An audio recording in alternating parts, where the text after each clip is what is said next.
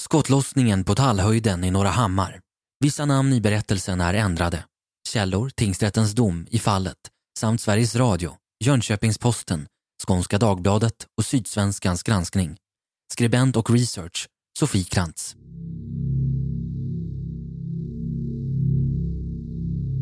Cirka nio kilometer ifrån Jönköpings centrum så ligger den lilla orten Norra Hammar. Tillsammans med Hovslätt, Taberg och Månsarp tillhör Norra Hammar kommundelen Tabergsådalen på grund av Tabergsån som går genom orterna. Ett stilla samhälle med några tusen invånare och enstaka butiker. Men den 28 oktober 2014 så skakas hela Jönköping när två unga pojkar skjuts vid området Tallhöjden. Sen kom det någon, en kille vinglandes på gatan ner. Då tog jag det nästan för givet att det var någon fyllegrej för han såg väldigt full ut. Snurrig, konstig. Sen bara föll han ihop. Och då började jag lite, bli lite misstänksam. Vad fan var det skott jag hörde? Den ena pojken avlider och den 16-årige pojke som mirakulöst fortfarande är vid medvetande ringer SOS Alarm. Vid tredje försöket så kommer han till slut fram. Han försöker förklara att han är skjuten i huvudet och att han har blivit knivhuggen i nacken. Men kvinnan på andra änden av telefonen har svårt att tro på hans ord. Hör larmsamtalet som skapat stor debatt och upprört många. Jag har blivit skjuten, jag och min vän i Tallhöjden i Norra Hammar. Vart är du för någonstans? Tallhöjden, Norra Hammar, vid ingången precis. Hallhöjden. Vart har du blivit skjuten då? I huvudet och i nacken och i handen och i axeln. Ja, vad då för någonting då? Jag har blivit skjuten av en pistol. Vad fan kom? Snälla. Är det någon förövare kvar där på plats? Nej. De har stuckit för fem minuter sedan jag faktiskt att blöda. Men vart i huvudet? Hur kan det komma sig att du klarar av att ringa när du, om du har blivit... Vad sa du? Våga inte gå ut! Vad sa du? Kom hit. Hallhöjden, sa du det? I Norrhammar? Ja, kom hit snälla. Jag är död om en minut. Vad heter du då?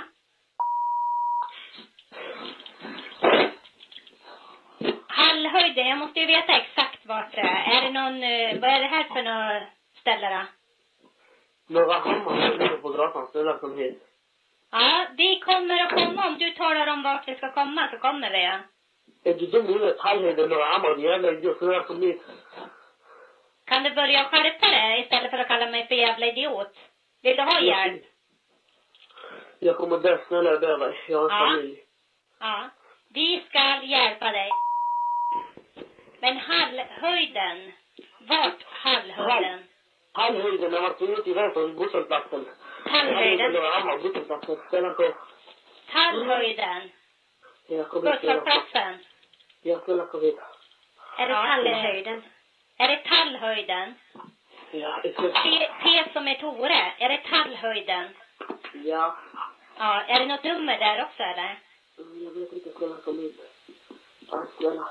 Han säger att han är skjuten i eh, huvudet, i armen, i axeln av en pistol. Handen. Handen. Och, och ha- handen och munnen. När är du född? Vi lämnar det. Ja. Eh. Och telefonnummer som du ringer ifrån? Ja, de är på väg redan. Både polis och ambulans är på väg till dig.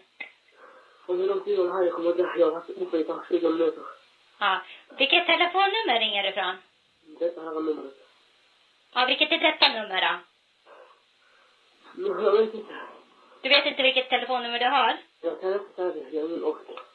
Vad sa du? Jag kan inte prata mycket min mun. Min läpp är sönder. Ja. Men vet du vilket telefonnummer du har? Vad sa du? Jajamän. Ja, men du, ambulans är på väg där. När de här... Vart stack de här som sköt på dig då? Jag vet inte. Du vet inte vart de har stuckit? Ja. Nej. Är det i slutet utav tallhöjden det här? Ja, i början. Precis i busshållplatsen. B- I början utav tallhöjden? Ja, busshållplatsen. Jajamän. När de här kommer dö snart. Mm. Ja, de är på väg redan, ambulans och eh, polis. Och hur lång tid har de komma igen? Snälla. Jag vet inte hur lång tid det tar innan de kommer, men de kommer så fort de bara kan där. Min kollega har larmat medan du och jag pratar här. Och jag är där, hälsar min mamma. Eller inte min mamma. Hälsar min farmor och hela min familj. Att dem. Mm. Kolla. När hände det här? Hände det precis eller? För 15 minuter sedan. Jag fick med i 15-20 minuter. Hände det för 15-20 minuter sedan? Ja, jag fick nu. Vad sa du? Kolla det blir. Min kompis är där. Han fått det där. Är du helt ensam där eller? Jag vet inte. De gömmer sig någonstans kanske. Vad sa du? De sköt mig, så kom de tillbaka och sköt mig igen. Okej. Vet du vilka de här är? Känner du dem? Nej, det var bakom hit. Ja. Kolla,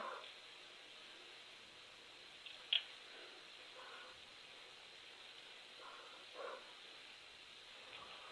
Jag har inte, jag har inte blod kvar. De, de är på väg du. De kommer så fort det bara går där. Jag får koppla in polisen här också. Polisen? Ja, det var SOS det här ärendet som vi har Tallhöjden, Norrhammar. Mm. Eh, han är på tråden här. Är det någonting, några frågor du vill ställa till han? Ja, absolut. Ja, du kopplar Ja. fram han. Varsågod. Polisen i När är ni här? När är ni här? Hallå? Ja, när är ni här? Vad säger du? När är ni här? När vi kommer dit? Ja. Vi kommer alldeles strax. Vem är du? Kolla, jag orkar inte. Jag fuck. Vem, vem är du som ringer? Hallå? Jag, är du där? Jag har ansiktet flera gånger. Jag vet inte hur jag överlevt. Bara kom hit. Vem är det som har blivit skjuten? Jag och min vän är död här. Kom hit. Ja, men vad- vad heter du? Jag Nej, jag har inte, till mig har du inte sagt vad du heter. Och i efternamn? Vad sa du? Vad har du för telefonnummer? Detta är från Jag ser inte det. Kan, vad- kan du lämna det till mig? Jag har lämnat det. Jag kan inte. Jag håller på att dö. Har du blivit skjuten också? Ja.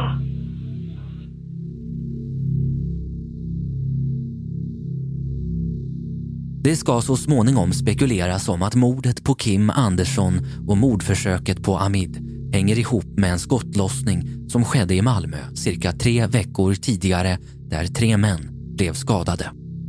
Vi tar upp fallet i Svenska mordhistorier. Jag heter Sebastian Krantz.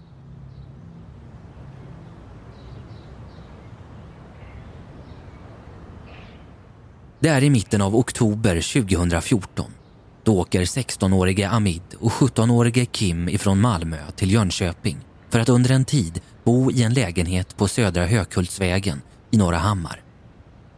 Kim har bott i Malmö fram till tidiga tonåren då han flyttade till Nässjö som är en stad som ligger cirka tre mil ifrån Jönköping. Efter flyttade han tillsammans med sin familj mellan flera olika orter och städer runt Jönköpings län. Enligt uppgifter ifrån bekanta till Kim som träffade honom kort innan han blev mördad så skulle han ha rymt ifrån sin stödfamilj. En jämngammal kompis till pojkarna, Karim, bestämmer sig någon vecka efter också att åka till Jönköping för att besöka vännerna under sitt höstlov. Han har börjat bråka med sin bror och mamma och vill komma bort ett tag. Karim har redan vid låg ålder haft kontakt med socialtjänsten i Malmö. Redan vid 2003 så skedde den första kontakten då man varit orolig för hans familjesituation.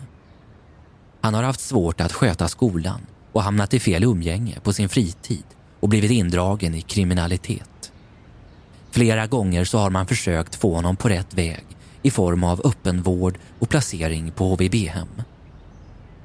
Men bara någon dag efter ankomsten så tar Karim telefonkontakt med sin vän Samir som också bor i Malmö och ber honom att komma upp till Jönköping.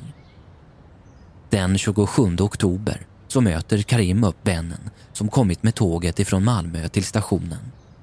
Från stationen så tar de bussen tillsammans till Tallhöjden och lägenheten där Amid och Kim är kvar.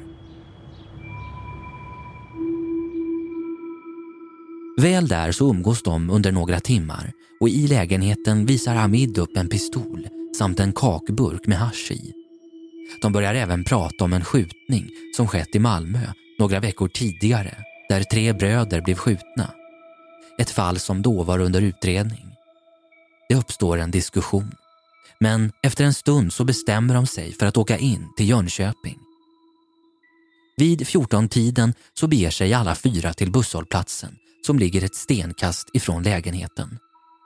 Buss 27 ska ta dem in till city för att därifrån ta bussen till samhället Råslätt. Och väl där går Karim och Samir ensamma in på Willys där de köper två knivar. De vill ha någonting att försvara sig med. Och i samma ögonblick som köpet går igenom så stoppar de unga männen knivarna i byxorna varpå kvinnan i kassan påpekar att det är otillåtet att inneha kniv på det viset. Kvinnan som senare ska bli ett vittne i rättegången säger dock att hon inte helt och hållet är säker på att det är både Karim och Samir hon sett då Samir senare kommer att förneka att han varit med och köpt knivarna. Efter besöket på Råslätt så åker alla fyra tillbaka till centrala Jönköping för att äta på en hamburgerrestaurang samt besöka ett internetcafé. Strax före 19.00 så beställer Karim en taxi som ska ta dem ifrån Rådhusparken till OKQ8-macken vid Jordbron.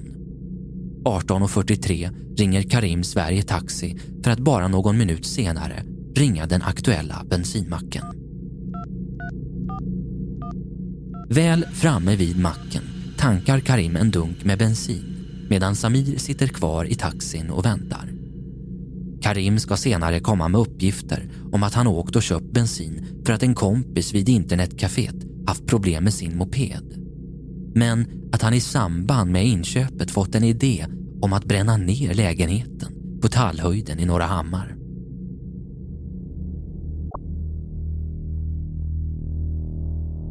I oktober 2014 så har filmen Annabelle precis börjat gå på landets biografer. Runt 22-tiden ska de fyra männen åter mötas upp för att se filmen. Det blir dock så att de sitter på olika platser inne i biosalongen. Samir och Karim sitter bredvid varandra på en rad och Kim och Hamid på en annan. På det viset kan Samir och Karim lämna biografen tidigare utan att någon märker det och det blir också det de gör. Vid 23-tiden så tar de ett kliv ut ur Filmstaden som ligger vid Juneporten i Jönköping.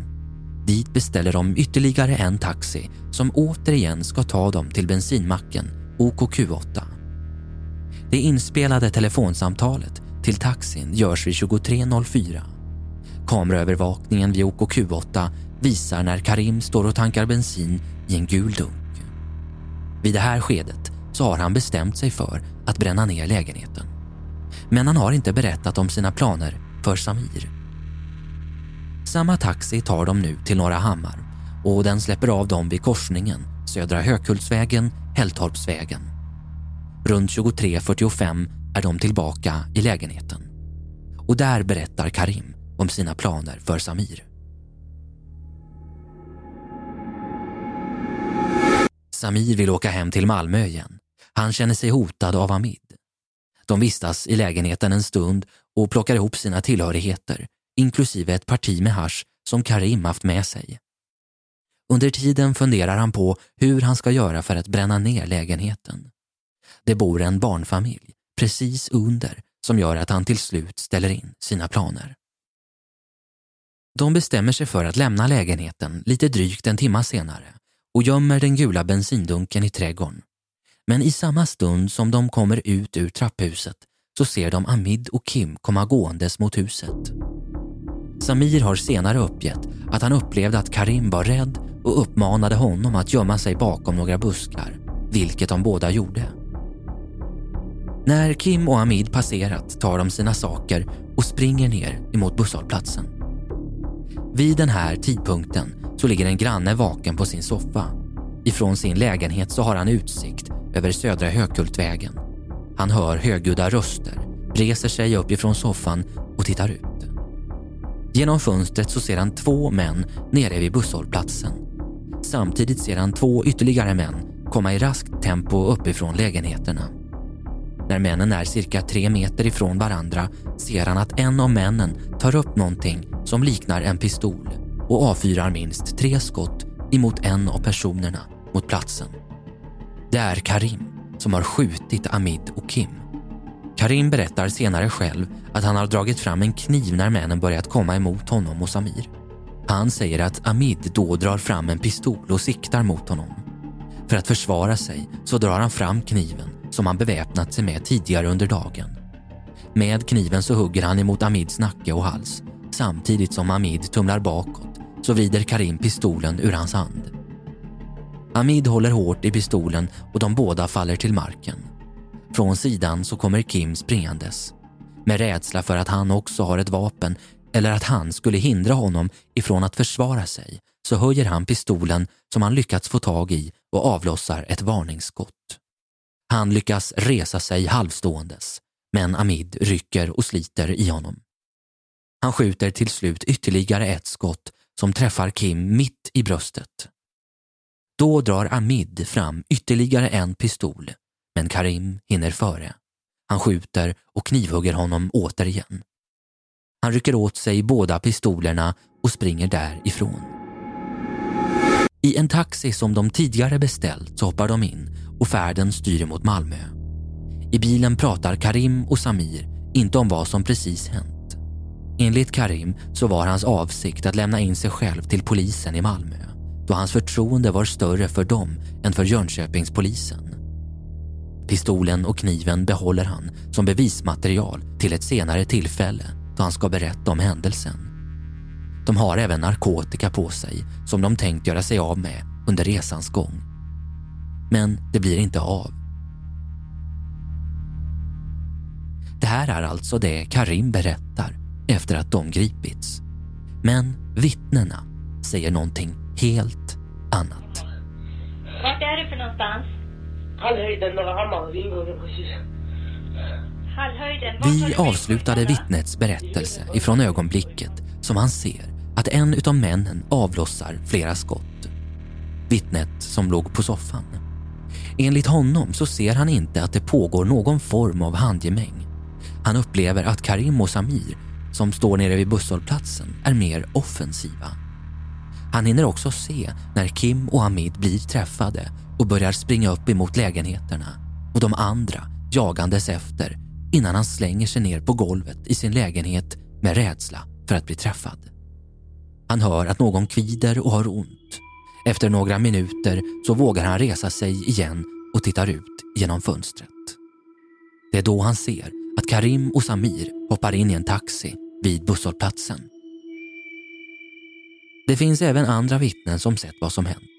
Flera vittnar om en man som gått och vinglat samtidigt som han pratat i telefon och man har till en början upplevt det som att han varit berusad. Det här är troligtvis Amid som försöker prata med SOS Alarm. Vid den här tidpunkten så har Kim avlidit. Andra har sett när Kim stapplat iväg efter skotten för att bara efter några meter falla till marken. Hamid har därefter försökt få liv i honom utan att lyckas.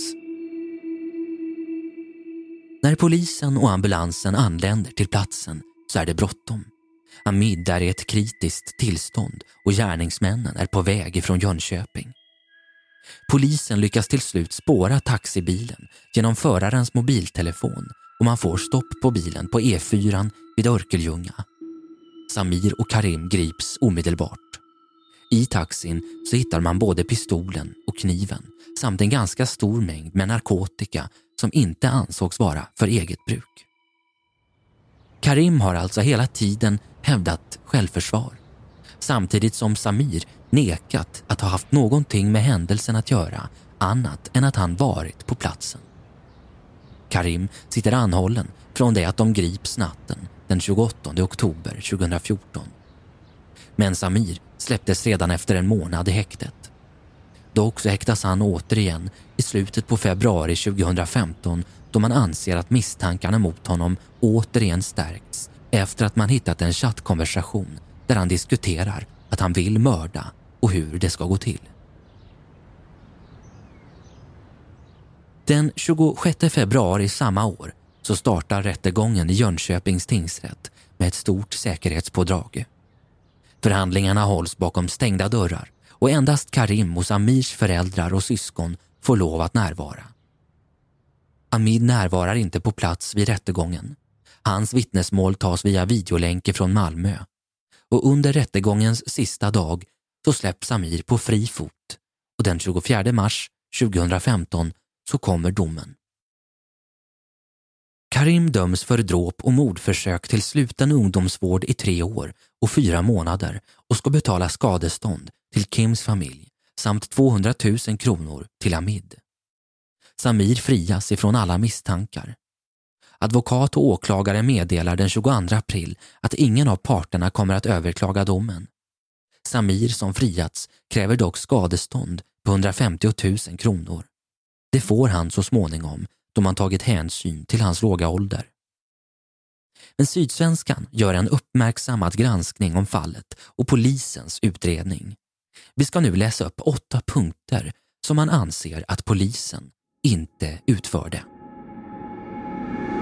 Åklagare begärde inte in listor över telefonkontakter för mer än två veckor före mordet för att kartlägga de åtalades kontakter.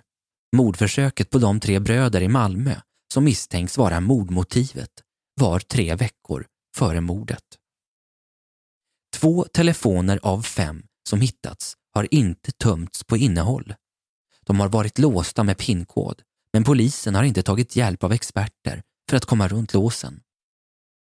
Polisen har bara lyckats återskapa en del av de många kastade sms som funnits i de andra telefonerna. Polisen har inte sökt experthjälp. Åklagaren har heller inte begärt ut smsen ifrån telefonoperatörerna. Polisen har inte frågat sig fram genom förhör vilka de åtalade känner för att söka kopplingar till de skjutna bröderna i Malmö.